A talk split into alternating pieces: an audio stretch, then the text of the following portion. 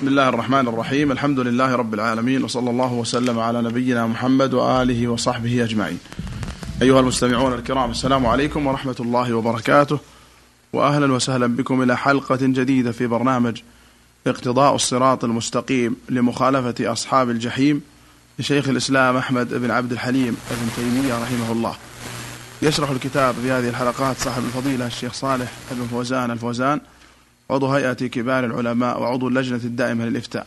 في مطلع هذا اللقاء نرحب بشيخنا الكريم حياكم الله شيخ صالح. حياكم الله وبارك فيكم. مضى معنا قول المؤلف عن الرأي الأول في اتخاذ الأماكن التي قام فيها الصالحون مساجد يصلى فيها. قال هنا وأما من كرهه فروى سعيد بن منصور في سننه حدثنا أبو معاوية حدثنا الأعمش عن معرور بن سويد عن عمر رضي الله عنه قال خرجنا معه في حجة حجها فقرأ بنا في الفجر بألم ترى كيف فعل ربك بأصحاب الفيل ولإلاف قريش في الثانية فلما رجع من حجته رأى الناس ابتدروا المسجد فقال ما هذا؟ قالوا مسجد صلى فيه رسول الله صلى الله عليه وسلم فقال هكذا هلك أهل الكتاب قبلكم اتخذوا آثار أنبيائهم بيعا من عرضت له منكم فيه الصلاة فليصل ومن لم تعرض له الصلاة فليمضي. قال الشيخ رحمه الله فقد كره عمر رضي الله عنه اتخاذ مصلى النبي صلى الله عليه وسلم عيدا وبين أن أهل الكتاب إنما هلكوا بمثل هذا. بسم الله الرحمن الرحيم الحمد لله رب العالمين وصلى الله وسلم على نبينا محمد وعلى آله وأصحابه أجمعين. هذا في موضوع البقاع والأمكنة التي صلى فيها رسول الله صلى الله عليه وسلم. نعم. سواء هل تتخذ مصليات بعده ويقتدى به في ذلك أو لا نعم. ذكر الشيخ فيما سبق أن أن هذا فيه تفصيل أن هذا فيه تفصيل بين المواطن والمواضع التي قصد النبي صلى الله عليه وسلم الصلاة فيها فهذه الصلاة فيها من بعده سنة نعم. اقتداء به صلى الله عليه وسلم. أما المواطن التي صلى فيها اتفاقا ولم يقصد الصلاة فيها بذاتها وإنما صلى فيها لأنها أدركته الصلاة في هذه الأماكن وصلى فيها من غير قصد لها. فهذه لا تتخذ مساجد من بعده. ولا يصلى فيها لأن النبي صلى الله عليه وسلم لم يقصد الصلاة فيها وإنما صلى فيها لأنه أدركته الصلاة فيها. وقد قال صلى الله عليه وسلم أيما جعلت لي الأرض مسجدا وطهورا فأيما مسلم من أدركته الصلاة فعنده مسجده وطهوره. ومن العلماء من قال من فصل في هذه في هذا النوع. من فصل بين القليل بين القصد القليل والقصد الكثير كما يروى عن الإمام أحمد كما سبق. نعم. الذي لا يكثر التردد عليها ولا يتخذها عيدا وإنما يصلي فيها قليلا ولا يتردد عليها فهذا لا بأس به استدلالا بفعل ابن عمر رضي الله عنهما. وأما الذي يقصدها ويتردد عليها ويتخذها عيدا فهذا لا يجوز. هذا لا يجوز. وهو داخل فيما روي عن عمر رضي الله عنه أنه رأى الناس يتبادرون إلى مكان بين مكة والمدينة يصلون فيه فسأل عنه. فقالوا ومكان صلى فيه رسول الله صلى الله عليه وسلم؟ فهم يصلون فيه اقتداء بالنبي صلى الله عليه وسلم. صلى الله عليه وسلم. فأنكر عمر ذلك رضي الله عنه وقال إنما أهلك من كان قبلكم أنهم كانوا يتتبعون آثار أنبياء. يتتبعون آثار أنبيائهم. نعم. حتى آل بهم الأمر إلى أن بنوا عليها مساجد وصارت تقصد وتتخذ عيدا وأفضى هذا إلى الشرك بالله عز وجل فوقعوا في الشرك بسبب ذلك لأن هذا وسيلة إلى الشرك. فهذا من النوع الذي لا يجوز وهو من القسم الذي لم يقصده النبي صلى الله عليه وسلم وإنما صلى فيه اتفاق اتفاقا من غير قصد. نعم. أحسن الله إليكم شيخنا. قال رحمه الله وفي رواية عنه أي عمر رضي الله عنه أنه رأى الناس يذهبون مذاهب. فقال أين يذهب هؤلاء؟ فقيل يا أمير المؤمنين مسجد صلى فيه النبي صلى الله عليه وسلم فهم يصلون فيه. فقال إنما هلك من كان قبلكم بمثل هذا. كانوا يتبعون آثار أنبيائهم ويتخذونها كنائس وبيعا. فمن أدركته الصلاة منكم في هذه المساجد فليصل. ومن لا فليمضي ولا يتعمدها. نعم هذا هو كما سبق تفصيل القول في هذا في أن الأماكن التي لم يصلي فيها النبي صلى الله عليه وسلم قصدا وإنما صلى فيها آه، لأن الصلاة أدركته فصلى فيها ولم يقصدها بذاتها فهذا هو الذي استنكره عمر رضي الله عنه. نعم. وروى محمد بن وضاح وغيره أن عمر بن الخطاب أمر بقطع الشجرة التي بويع تحتها النبي صلى الله عليه وسلم لأن الناس كانوا يذهبون تحتها فخاف عمر الفتنة عليهم. ومن ذلك الأمكنة التي جلس فيها النبي صلى الله عليه وسلم. صلى الله عليه من غير قصد لها وإنما جلس فيها مصادفة. أو لأجل حاجة ولم يجلس فيها تعبدا لله عز وجل. من ذلك الشجرة التي وقعت تحتها بيعة الرضوان يوم الحديبية. فقد والتي قال الله جل وعلا فيها لقد رضي الله عن المؤمنين إذ يبايعونك تحت الشجرة. النبي صلى الله عليه وسلم جلس تحت هذه الشجرة يستظل بها. نعم. وجاء وجاءته وجاءه الوفد من قريش وعقد معهم الصلح تحت هذه الشجرة. آه هذه الشجرة جلس تحتها النبي صلى الله عليه وسلم يستظل بها. ولما بلغه أن قريشا قتلت عثمان رضي الله عنه مندوب النبي صلى الله عليه وسلم إليهم حينئذ طلب من أصحابه البيعة. نعم. فبايعوه على القتال تحت هذه الشجرة. فلذلك قال لقد رضي الله عن المؤمنين إذ يبايعونك تحت الشجرة. فصار بعض الناس يتعلق بها بعد النبي صلى الله عليه وسلم. كانوا إذا جاءوا في الطريق عرجوا عليها وذهبوا إليها. استنكر عمر ذلك.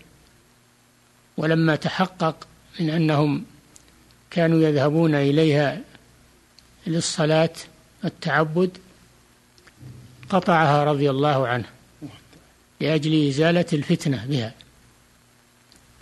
فهذا دليل على أن ما جلس فيه النبي صلى الله عليه وسلم أو صلى فيه من الأمكنة من غير قصد لتخصيصه أو التعبد فيه وإنما فعل ذلك اتفاقا وحسب الحاجة أنه لا يتخذ بعد ذلك مصلى ولا يتردد عليه. فهذا عمر قطع الشجرة حسما لهذه المادة. نعم. أحسن الله إليكم. قال رحمه الله وقد اختلف العلماء رضي الله عنهم في إتيان المشاهد. فقال محمد بن وضاح كان مالك وغيره من علماء المدينة يكرهون إتيان تلك المساجد وتلك الآثار التي بالمدينة ما عدا قباء وأحدا. نعم. آه هذا هؤلاء الأئمة كانوا يكرهون الإتيان الأماكن التي في المدينة التي يزعم أنها من الآثار النبوية تبركون بها. فهذا مالك ومن معه ينهون عن ذلك إلا مسجد قباء فقد كان النبي صلى الله عليه وسلم يزوره ويصلي فيه. وإلا أحد جبل أحد الذي وقعت عنده وقعة أحد كان يأتي الشهداء ويسلم عليهم ويدعو لهم. فهذا فهذان المكانان يقصدان. المسجد قباء للصلاة وأما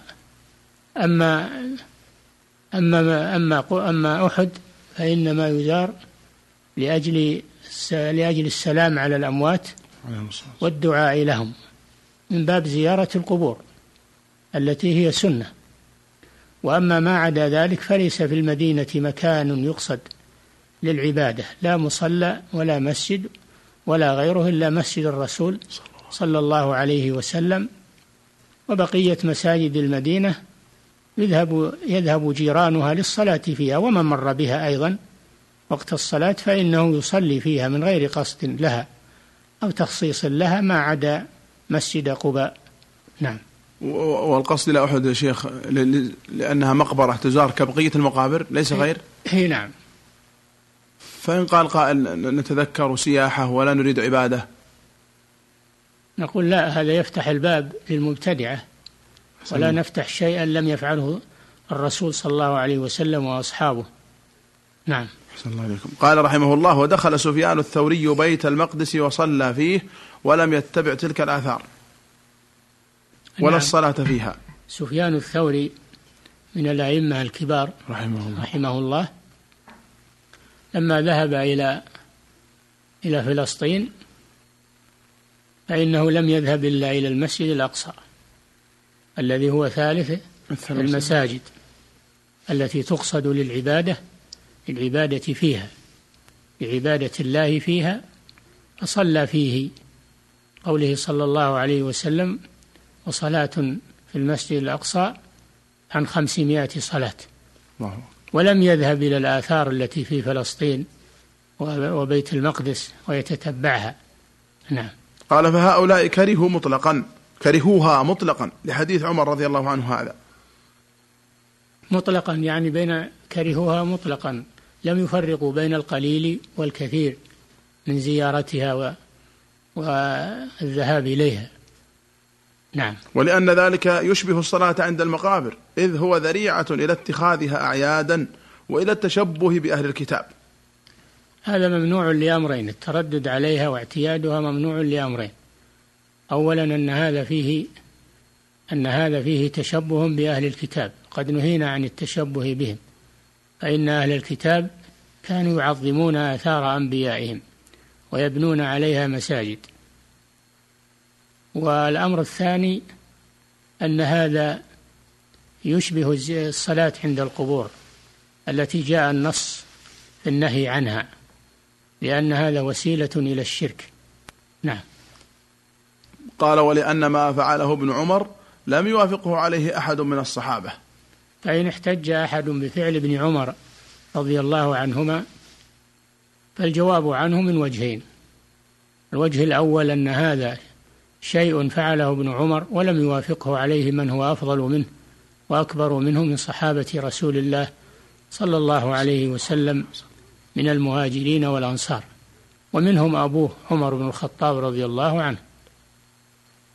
والأمر الثاني أن ابن عمر رضي الله عنه لم يفعل هذا من باب التبرك واتخاذها عيدا وإنما فعله من باب الاقتداء بالنبي صلى الله عليه وسلم فهو يفعله اقتداء ولا يفعله تبركا وتعبدا خاصا بها ولكنه مع هذا لم يوافق على هذا الشيء.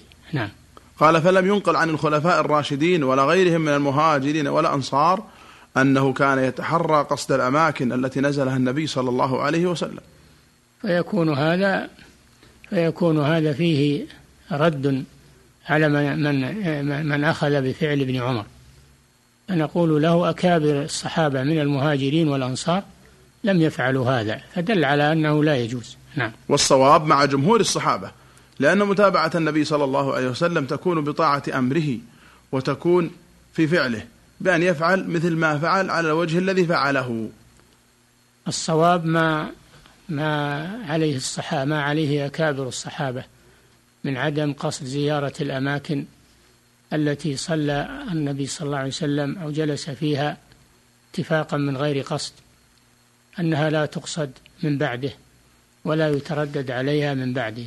هذا هو الصواب حسما لمادة الشرك والبدعة. فهذا هو عين الصواب. والاقتداء بالنبي صلى الله عليه وسلم الذي أراده ابن عمر رضي الله عنه إنما يكون باتباع سنته عليه الصلاة والسلام وبطاعة أمره واجتناب نهيه. ولم يشرع لأمته لم يشرع لأمته أن يقصدوا هذه الأماكن ولا أمرهم بذلك ولا فعل هو آه، الصلاة فيها أو الجلوس فيها قصدا وإنما فعله وإنما فعله اتفاقا لما أدركته الصلاة أو احتاج إلى النزول. نعم. أحسن الله إليكم. قال والصواب مع جمهور الصحابة لأن متابعة النبي صلى الله عليه وسلم تكون بطاعة أمره وتكون في فعله بأن يفعل مثل ما فعل على الوجه الذي فعله. فإذا قصد العبادة في مكان كان قصد العبادة فيه متابعة له كقصد المشاعر والمساجد. وأما إذا نزل في مكان بحكم الاتفاق لكونه صادف وقت النزول أو غير ذلك مما يعلم أنه لم يتحرى صلى الله عليه وسلم ذلك المكان فإذا تحرينا ذلك المكان لم نكن متبعين له فإنما الأعمال فإن الأعمال بالنيات. نعم. الاقتداء بالنبي صلى الله عليه وسلم إنما يكون باتباع فعله وأمره عليه الصلاة والسلام. فإذا كان فعله مقصودا من باب التشريع فإننا نقتدي به فيه. كالأماكن التي صلى فيها يريد أن يصلى فيها من بعده. فهذا تشريع للأمة. نعم. وأما الأماكن التي صلى فيها من غير قصد التشريع وإنما هو من باب العادة وإنما هو من باب العادة أو الحاجة فهذا لا نتخذه من بعده. من أدركته الصلاة في أي مكان فليصلي. نعم. أحسن الله عليكم. قال المؤلف رحمه الله واستحب آخرون من العلماء المتأخرين إتيانها نعم. وذكر طائفة من طائفة من المصنفين من أصحابنا وغيرهم في المناسك استحباب زيارة هذه المساجد وعدوا منها مواضع وسموها وأما أحمد فرخص منها فيما جاء به الأثر من ذلك إلا إذا اتخذت عيدا مثل أن تنتاب لذلك ويجتمع عندها ويجتمع عندها في وقت معلوم. كما يرخص في صلاة النساء في المساجد جماعات وإن كانت بيوتهن خيرا لهن إلا إذا تبرجنا. وجمع بذلك بين الآثار واحتج بحديث ابن أم مكتوم. هذا عود على ما سبق في أن بعض العلماء خصوصا من المتأخرين يستحبون إتيان هذه الأماكن التي صلى فيها النبي صلى الله عليه وسلم أو جلس فيها مطلقا ولم يفرقوا بين القليل والكثير. وبين القصد وغير القصد لم يفرقوا وهذا كما سبق فيه نظر. نعم. فإن الصواب في التفصيل بين ما فعله النبي صلى الله عليه وسلم قصدا وتشريعا فيقتدى به عليه الصلاة والسلام ويتابع. وأما ما فعله اتفاقا من غير قصد فهذا لا يتخذ فعله عبادة من بعده. هذا هو الصواب في المسألة وهو الجواب الحاسم في هذه المسألة. نعم. حسن الله إليكم. قال ومثله ما خرجه في الصحيحين عن عتبان بن مالك رضي الله عنه. قال كنت أصلي لقوم بني سالم فأتيت النبي صلى الله عليه وسلم فقلت إني أنكرت بصري وإن السيول تحول بيني وبين مسجد قومي فولا فلوددت أنك جئت فصليت في بيتي مكانا حتى أتخذه مسجدا. فقال أفعل إن شاء الله. قال فغدا علي رسول الله صلى الله عليه وسلم وأبو بكر معه بعدما اشتد النهار. فاستأذن النبي صلى الله عليه وسلم فأذنت له. فلم يجلس حتى قال أين تحب أن أصلي من بيتكم؟ فأشرت له إلى المكان الذي أحب الذي أحب أن يصلي فيه. فقام رسول الله صلى الله عليه وسلم فكبر وصففنا وراءه فصلى ركعتين. ثم سلم وسلمنا حين سلم. نعم. ومن ذلك أي من الأماكن التي قصد النبي صلى الله عليه وسلم الصلاة فيها لأجل أن يصلى فيها من بعده ما في حديث حتبان بن مالك رضي الله عنه. أنه كان يصلي بقومه بني سالم ثم إنه في آخر أيامه ضعف بصره وصارت السيول تحول بينه وبين مسجد قومه فأراد أن أن يتخذ مصلى له في بيته. يصلي فيه إذا لم يتمكن من الذهاب إلى المسجد وعزم على ذلك لكنه رأى أن يطلب من النبي صلى الله عليه وسلم أن يبدأ الصلاة فيه من أجل أن يقتدي به في ذلك ولتحصل له البركة من الله سبحانه وتعالى. فطلب من النبي صلى الله عليه وسلم أن يصلي في بيته. يتخذ مكان مصلاه مسجدا يصلي فيه عند الحاجة.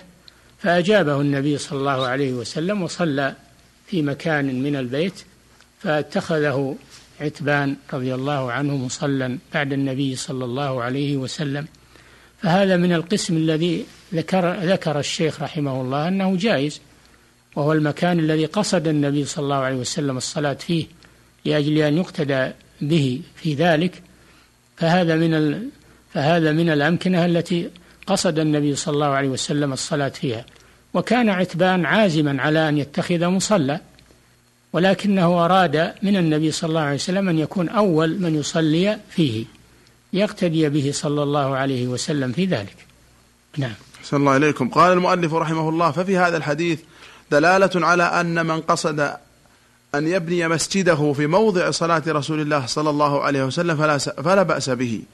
وكذلك قصد الصلاة في موضع صلاته. لكن هذا كان أصل قصده بناء المسجد. فأحب أن يكون موضعا يصلي له فيه النبي صلى الله عليه وسلم ليكون النبي صلى الله عليه وسلم هو الذي رسم المسجد. بخلاف مكان صلى فيه النبي صلى الله عليه وسلم اتفاقا فاتخذ مسجدا لا لحاجة إلى المسجد لكن لأجل صلاته فيه. هذا فرق بين الجائز وبين غير الجائز. نعم. الجائز هو الذي قصد النبي صلى الله عليه وسلم الصلاة فيه ويقتدى به بعد ذلك فهذا لا بأس به. وأما غير الجائز فهو المكان الذي لم يقصد النبي صلى الله عليه وسلم الصلاة فيه وإنما فعلها إنما فعلها اتفاقا وحسب الحاجة فلا يقتدى به بعد ذلك. ومن الأول ما فعله عتبان رضي الله عنه. فإنه كان عازما على أن يتخذ مصلى في بيته يصلي فيه إذا عجز عن الذهاب إلى المسجد. ولكنه أراد أن يكون أول من يصلي فيه النبي صلى الله عليه وسلم. فهذا هو المقصود. فالرسول قصد ذلك تحقيقا لرغبة عتبان بن مالك وهو قاصد للصلاة فيه فلا بأس بالاقتداء به في الصلاة في هذا المكان. فإن الرسول صلى الله عليه وسلم إنما فعل ذلك من أجل هذا القصد. نعم. أحسن الله إليكم. قال رحمه الله فأما الأمكنة التي كان النبي صلى الله عليه وسلم يقصد الصلاة أو الدعاء عندها فقصد الصلاة فيها أو الدعاء سنة اقتداء برسول الله صلى الله عليه وسلم واتباعا له. نعم. كما إذا تحرى الصلاة أو الدعاء في وقت من الأوقات. فإن قصد الصلاة أو الدعاء في ذلك الوقت سنة كسائر عباداته وسائر الأفعال التي فعلها على وجه التقرب. قال ومثل هذا ما خرجه في الصحيحين عن يزيد بن أبي عبيد قال كان سلمة بن الأكوع يتحرى الصلاة عند الأسطوانة التي عند المصحف. فقلت له يا أبا مسلم أراك تتحرى الصلاة عند هذه الأسطوانة؟ قال رأيت النبي صلى الله عليه وسلم يتحرى الصلاة عندها. وفي رواية لمسلم عن سلامة بن الأكوع رضي الله عنه أنه كان يتحرى الصلاة موضع المصحف يسبح فيه. وذكر أن رسول الله صلى الله عليه وسلم كان يتحرى ذلك المكان وكان بين المنبر والقبلة قدر ممر الشاه. نعم فالأمكنة التي قصد النبي صلى الله عليه وسلم الصلاة فيها والأزمنة التي قصد النبي صلى الله عليه وسلم الصلاة فيها أو قصد العبادة فيها. فهذه يقتدى بالنبي صلى الله عليه وسلم فيها. ومن ذلك ما, المكان الذي في مسجده الذي عند مكان المصحف. كان سلمة بن الأكوع يتحرى الصلاة عنده فسئل عن ذلك فقال إن النبي صلى الله عليه وسلم كان يتحرى الصلاة. كان يتحرى الصلاة يعني يقصد نعم. الصلاة في هذا المكان. فكان يصلي اقتداء به. كل هذا تقرير للأصل الذي مر وهو أن ما قصد العبادة فيه من الأمكنة أو الأزمنة فإنه يقتدى به. وأما ما فعله فيها ولم يقصد الصلاة فيه أو الدعاء فيها أو عنده فهذا لا يجوز إحياؤه من بعده وجعل وجعله مكانا للعبادة. نعم. أحسن الله إليكم شيخنا وجزاكم خيرا. أيها المستمعون الكرام إلى هنا نأتي إلى نهاية هذه الحلقة. من برنامج اقتضاء الصراط المستقيم مخالفة أصحاب الجحيم. مع صاحب الفضيلة الشيخ الدكتور صالح بن فوزان الفوزان شكر الله لشيخنا ما تكرم به من الشرح والبيان وشكر لكم حسن استماعكم ونفعنا وإياكم بما نقول ونسمع. هذه في الختام تحية أخي مهندس الصوت عثمان بن عبد الكريم الجويبر حتى نلقاكم في الحلقة القادمة. على خير إن شاء الله نستودعكم الله والسلام عليكم ورحمة الله وبركاته.